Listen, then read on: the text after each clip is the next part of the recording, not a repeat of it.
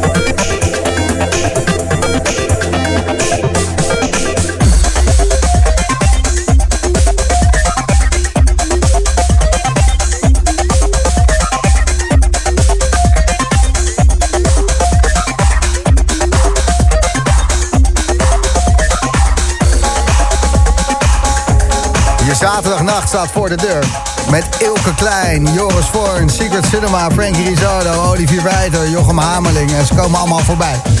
Maar zover is het nog niet. Het laatste stukje van de Boomroom. Wat een set. Wat een man. Wat een avond. Fijn dat jij erbij bent. In de mix. Julian Anthony.